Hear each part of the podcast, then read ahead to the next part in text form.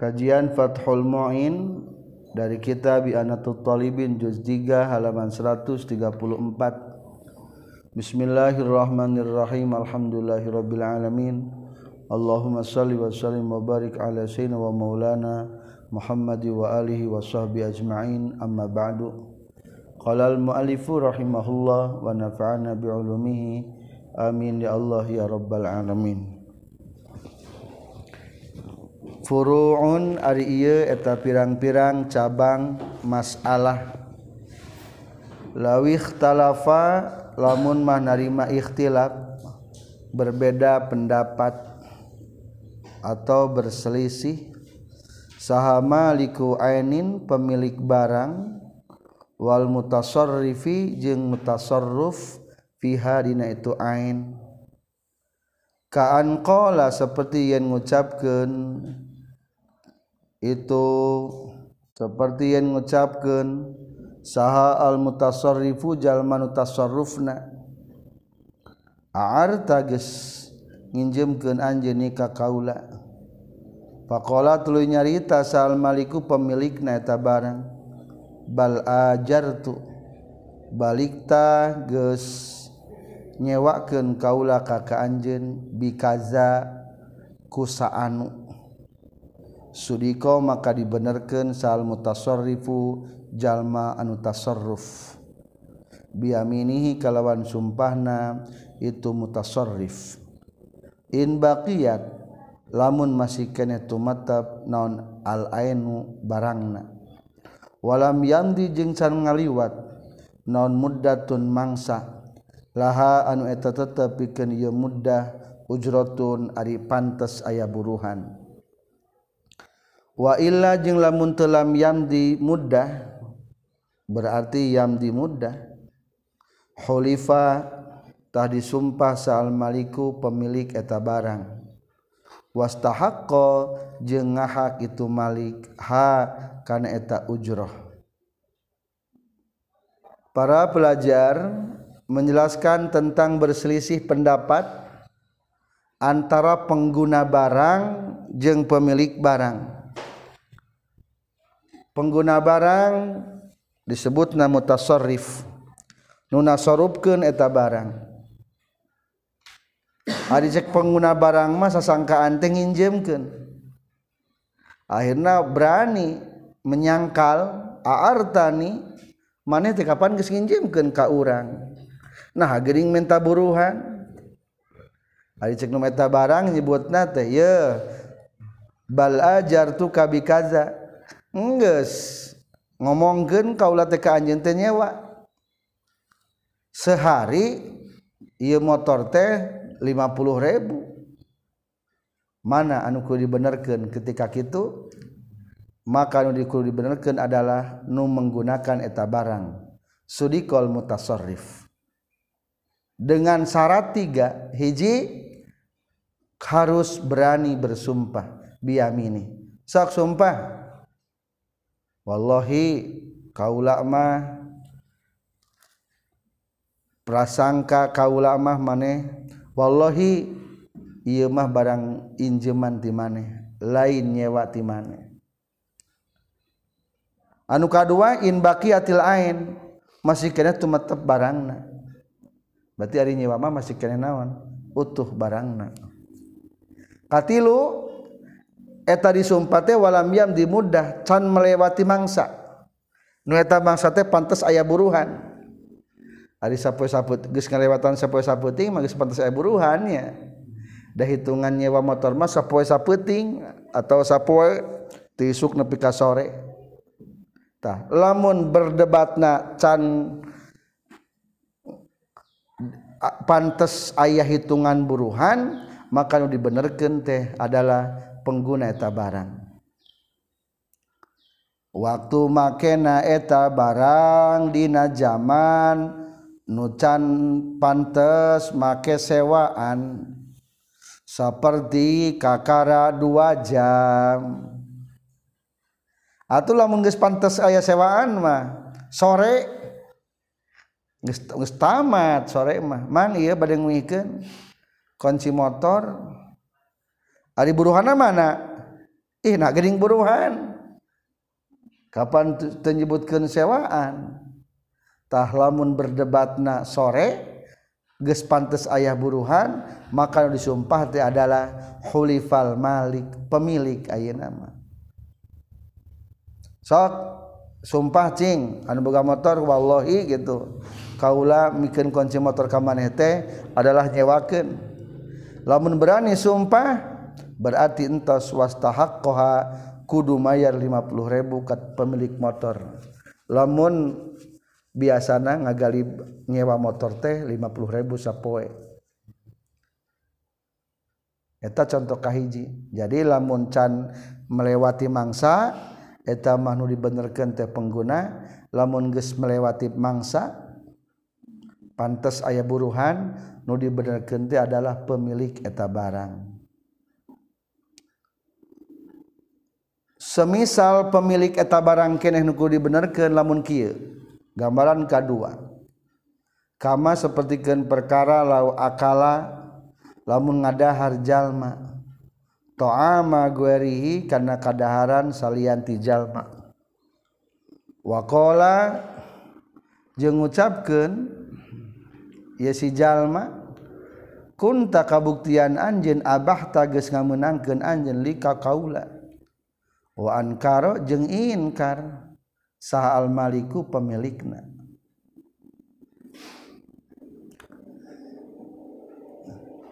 Masih kene gambaran ku dibenerkeun pemilik lamun kieu.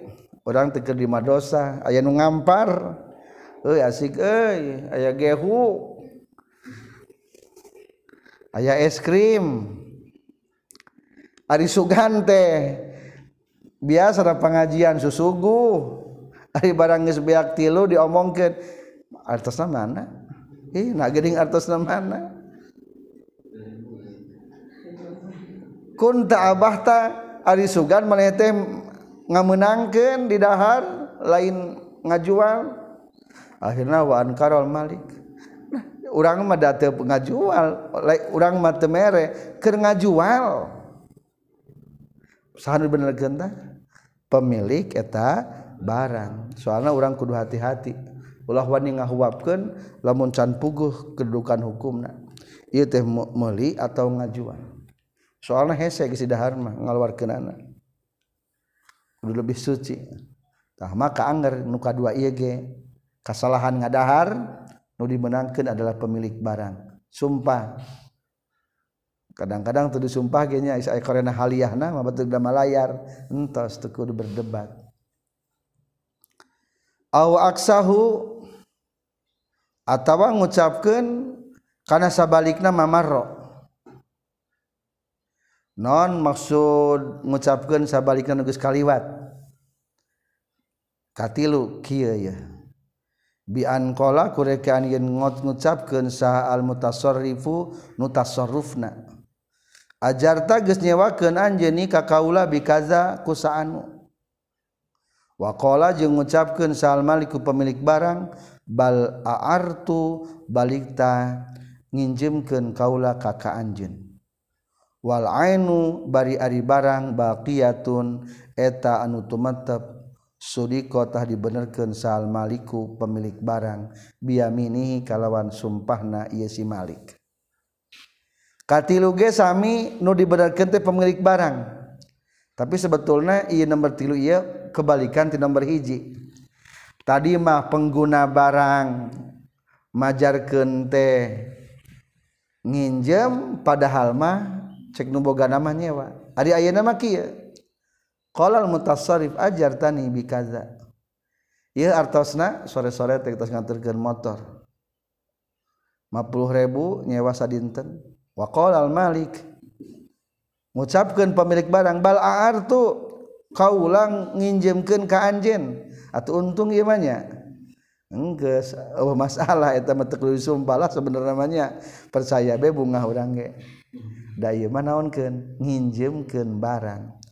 Ngan pangla caritakeun teh menyontohkan nu dibenerkeun teh adalah malik pemilik barang. Wa qala al maliku bal a'artuka wal ainu baqiyah barangna masih kena utuh. Karena disyarat ngenangin jemkeun mah kudu barangna masih kena utuh. Namun sabun berarti menghutangkan maka Sudikol Malik biamini itulah gambaran ketiga. Gambaran kaopat ia kumakrudukan hukum na ya walau atau jeung lamun mah mere jalma rojulan kahiji lalaki hanutan kana warung wadarohima jeung kana pirang-pirang dirham. Gambaran ata mere warung jeung duit. Gambaran B au ardon atawa mere kana bumi. Wabazaron jeung kana benih. Wa bizron jeung kana benih. Gambaran kadua mah masrahkeun sawah ardon tanah atau jeng benih. Wakola jeng nyarios iya si jalma kaita si rojul. Ittajir kudu dagang anjin berarti na gambaran nu aknanya eta au izro atawa kudu melakeun anjeun hukana itu bizron. Fi hayna ardon berarti dina gambaran bagian B. Disebut nate lab nasar murotab nyaritakanlah sesuatu dua macam atau tiga atau empat mungkin dipasang-pasangkan sesuatu tersebut. Izrohu fiha kudu melakukan anjen karena eta beni dina ardu dinapsika pikeun diri anjen Falinqaru mangkari pakarangan ariyatun etanu injeman. Wa gueruhu jeung ari salianti itu iqar qardun eta ngahutangkeun alal aujahi numutkeun kana kaul anu unggul. La hibbatun lain mere. Khilapan baina ngabedaan di ba'dihim ke sebagian para ulama. Wa yusaddaqu jeung dibenerkeun itu si Malik fi qasdihi dina tujuan itu si Malik. nomor opat tetap masih kena nu dibenerkeun si Malik pemilik barang. Iya nomor opat dua macam. Atau boleh dipisahkan nomor opat yang nomor lima. Gambaran kaopat pemilik toko masrahkan duit. Mang tah toko mang. Yo dagang tah duitna. Kebenaran dah dulur jeng urang teh eta teh. Tapi emang taruhlah hijjiima wardon wabizron mang ya pelaken ya. Benih mang. Tuh di kebon pelaken atau di sawah. Berarti atama izrahu jang saha linapsika pikeun anjeun? Maksudna kumaha berarti? Kulantara bahasa linapsika maka hukumna fal iqaru ariyatun pakarangan maksud pakarangan tenang tadi mah bahasana ardonnya. Maka tanah nah berarti merupakan sebagai injeman. Wagueruhu selain pakarangan bati benih eta mah hukuman naon? Ngahutangkeun. Lamun dina warung cing naon nu diinjemkeunana berarti? Hanut nama ikor eta teh. Jadi ulangi tulis maksud ikor teh adalah hanut jeung ardon. Atau di tengah ayahnya. Pal ikoru maka ari pakarangan dalam kurung sawahna jeung tokona ariyatun eta hukumna injeman selain nama ngaranna teh naon? Ngahutangkeun. Atuh tadi gambaran nomor 4 mere toko masrahkeun toko jeung masrahkeun duit. Cing maksudna kumaha? Toko nama hukumna nginjem duit nama maksudna ngahutang. Masrahkan sawah jeng benih ya peraken mang di sawah. Dan kulantan bahasa nafsika berarti maksudnya kumaha? Sawah nama nginjemkan benih nama kudu digantian. Berarti ke di mana panen sabarahaeun bayar Luhung nggak diparai mah besar bini teh murah paling ge. Sak wadah tilu puluh ribu empat puluh ribu. Air bedan cabai itu mahnya lima ribu tilu ribu. Sapoli bag teh umpamana beda hargana berarti. Ngan tetap dina pada akhir nama lamun terjadi sengketa saha cing dibenerkeun? Wa yusaddaku fi qasdihi. Menurut khilafan li ba'dihim menurut sebagian para ulama mah nu dibenerkeun adalah pengakuan anak si Malik. Jadi simpul namanya Nabi teh lahibatun lain merek kade. Nginjem berarti tokokna tanahna nginjem. Contoh kagenap walau akhoda jeung lamun nyokot jalma kuzan kana kendi minsakoin ti tukang cai dalam kurung atau tukang sirop. Liasroba pikeun yen nginum jalma minhu tina itu kuzan. Pawaqa'a tuluy ragrag itu kuzan min yadi tina leungeunna jalma. Wan kasaro jeung narima peupeus itu kuzan. Qabla syurbihi samemeh nginumna jalma. Au ba'dahu atawa sabada nginumna jalma. gambaran kadi kagena urang orang terdatang ke tukang kupat tahu. Ngarongkong baik kendi. Ada metusum kendi kini mah tina naon? Tina bahan tanah liat. Lamun dagdag teh geus bae pupus eta mah. Jika nanti orang mah ngarongkong kana termos ada barang rek nyicikeun cai rek arab teh pre beragrag eta termos. memeh nginum mata can nginum. Dicicikan pre gelas naragrak termus naragrak cing pertanyaan tanda mergenep eta wajib gantian te maka jawabannya ayat dua ditafsil. Fa'in tolaba makalamun menta jalma hu kana itu caina majanan barina gratis domina tah ketempuhan jalma hu kana itu kuzan. Dunal mai teka tempuhan kana caina wayah lamun gratis etang nginumna kudu naon? Kudu ngagan tian katukang kupat tahu gantian. Termosna sabarahaeun tah 50 ribu paling enggak lah termosna. Gantian mang aduh pupuk puntennya pupus. Gelasna pre we. Ece ibi atukeun cai.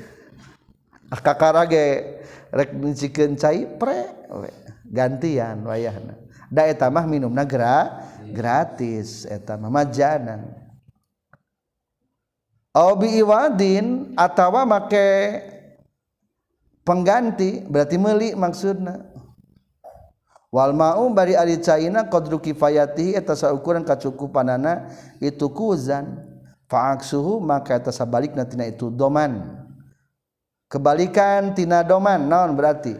hente doman teka tempuhan B lamun eta cairna make pengganti berarti meli maka hukum na etama wajib katempuhan. Cing pertanyaan orang meli sirup di gelasan eta sirupna gratis mayar. Mayar berarti lamun peus mangkok kumaha? Gelasna. Tepuhan tekudu mayyar meli. Baso.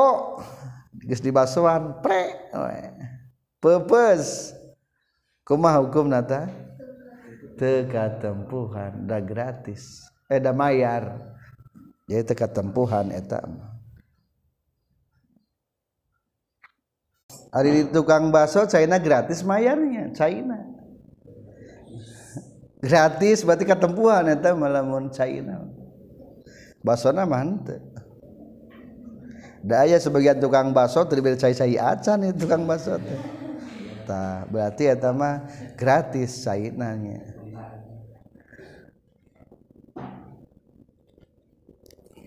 walawis ta'aro masalah katujuh. Jeung lamun manginjem jalma hulian karena perhiasan wal basa jeung make kenjal mahu kana tuhulian bintahu ka budak awewe na jalma as-sagirata nuletik summa amara tuluy marentah jalma gorohu kasalian ti jalma bihifdihi kana ngajaga na tuhulian fi baitihi di imahna itu jalma. Fa'ala tuluy migawe itu si goer. fasaroko tului maling itu si gower. Fafaala tului migawe ya si gower. Fasuriko tului kapalingan itu si gower. Lain maling si gower. Di paling atau kapalingan itu si gower. Gorroma tah nempuhkeun bae saal maliku pemilik nabarang al mustairo kanu nginjem kenana kanungin jemna wayar jiu jeung nagih si mustair alasani kajalma anu kadua dalam kurung makmur nu dititah ngajaga budak letik in alima lamunnyaho itu sani annahu kana seestuna itu huliyun perhiasan teh ariyatun eta anu injeman wa ilam yakun lamun teu kabuktian itu si sani nu diparentah ya alamu etanya hiji sani annahu kana sesuna huliyun ariyatun eta injeman bal zanna balik tanyangka itu sani sani lahu kana itu huliyun lil amir milik nabi kenu marentah lam yadman tah teka tempuhan itu si sani. Masalah ke-7 adalah ayah-jal menginjem perhiasan jang budakna. Biasanya mati alona tuh alo-alo nginjem. Ya sineng hoyong nyobian nganggo gelang injem baik dari Bapak materi budak. Akhirnya dititah WK piadina atau kasahana adi-adi pangasukeun si nengnya tah make gelang kade si leungit. Geus dijaga. Jadi simpulna nama eta budak teh ulin make emas menang nginjem. Ari barang keur dijaga teh pasuriko tuluy ka kapalingan maka simpulna nu katempuhan adalah mustair. Anu nginjem tadi. Bongana nginjem teh teu ditalingakeun gagabah berarti. temerhatikan. Temerhatikan. Eta si mustair wayarji walasani menang nagi nungtut kanu ngajaga tadi. Non sababna bongan teu hati-hati dina ngajaga budakna. In ulima annahu ariya menang nungtut teh lamun apaleun eta nu ditah ku urang teh si adik teh ya bahwa eta teh barangna barang injeman Ari lamun ngan syukur barang titipan mahnya budak mah berarti keamanahan unggul ayeuna nu keamanahan mah berarti wajib gantian. Maka kieu wa illam yakun ya'lam annahu ariya lamun teu apal bahwa eta barang teh sebagai injeman sugan teh milik nu lanceuk we. Da senengna teh diasuh. Balzonnahu anaul amir sugan teh milik nu bieun nitah. Maka eta mah hukumna teka tempuhan soalnya lamun orang dikatitipan ku batur teu wajib katempuhan. Ieu mah katitipan budak eta budak teh make emas teu wajib katempuhan da katitipan. Tapi sehubungan ieu mah berkaitan jeung aria maka ka aria mah geus gagabah tanu nginjeumna. Soalna geus meunang nginjem teu diperhatikeun mata katempuhannya. Itulah gambaran nomor 7 Nombaran nomor 8 Waman sakana daron. Waman jeung ari sahajal masakana nu nyicingan ieu mandaron kana imah. Mudatan dina hiji mangsa biizni malikin. Kalawan aya izina ti pemilik imah. Ahlin anu ahli kana ngaizinan. Maksud nama anu ahli kana gawe hade. walam yadkur jeung tenyaritakeun itu si Malik. Lahu kaya si jalma uzrotan kana buruhan lam talzam tah teu misti. Itu ujro hu kayu si man jalma. Contoh kedelapan kieu waman sakana daron. Ya kuliah mah di kuliah mah di abdi be cicingna ngawengina sok tadi dia calik. Di dia we. berarti eta jalma pemilik imah geus nempatkeun ka urang dina eta imahna. Geus menang sabulan eta daron mudatan. Biizni malik. Bari eta nu pemilik imah teh geus ahli. Maksud ahli teh ahli naon? Ahli kana tasor ruf ahli kana ngaizinan. Ahli disebutkan ahli dina bab muamalah mah berarti tilu hiji balik dua berakal tilu tadi sengker tadi sangker teh dua esina hiji lain muplis dua lain sapeh. Maka hukumna berarti sah etang ijinanana kulantaran dititah cicing badi dia bari tenyinggung-nyinggung karena ayana sewa kontrakan kuma hukum natah lam talzamhu tewajib mayar karena eta ongkos kontrakan. jadi kadang-kadang orang ngerakennya ya teh mayar hente mayar hente ulah sok lebating perasaan. Ari teu nyambit-nyambit kana pembayaran mah berarti maksudna gra gratis. Iya gambaran nomor 8 iya entos dibahas di bab ijaroh di halaman 118.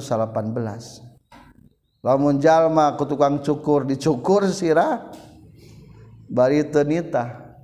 atawari miru ka Jakarta ke tukang bis diajak kayu ka Jakarta naik naik.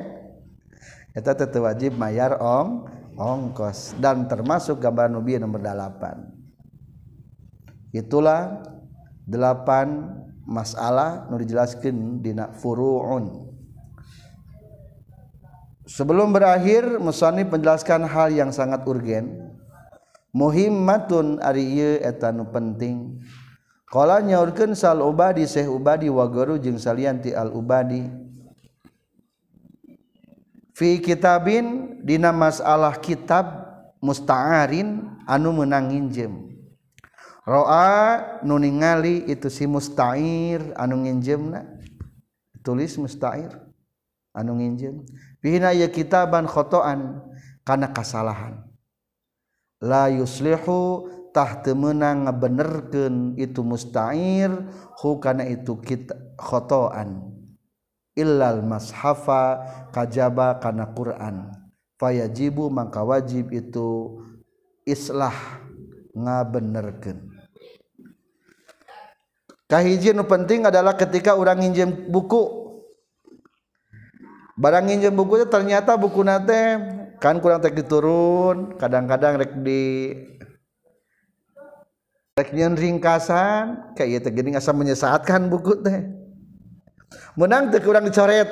Salah iya ta simpulna kade lamun buku mah teu menang dicoret teu menang dibenerkeun. Kajaba lamun nginjemna al Quran ternyata aya kata dua kata eta mah wajib dibenerkeunana. Diciriana setidaknya kudu dicirian lamun Quran mah. Lamun buku mah teu kudu. Kadang-kadang orang nginjem buku catatan kan nu babara rencangannya. Asa salah nulisna tah teu kudu dibenerkeun ku urang. Kudu aya izin heula.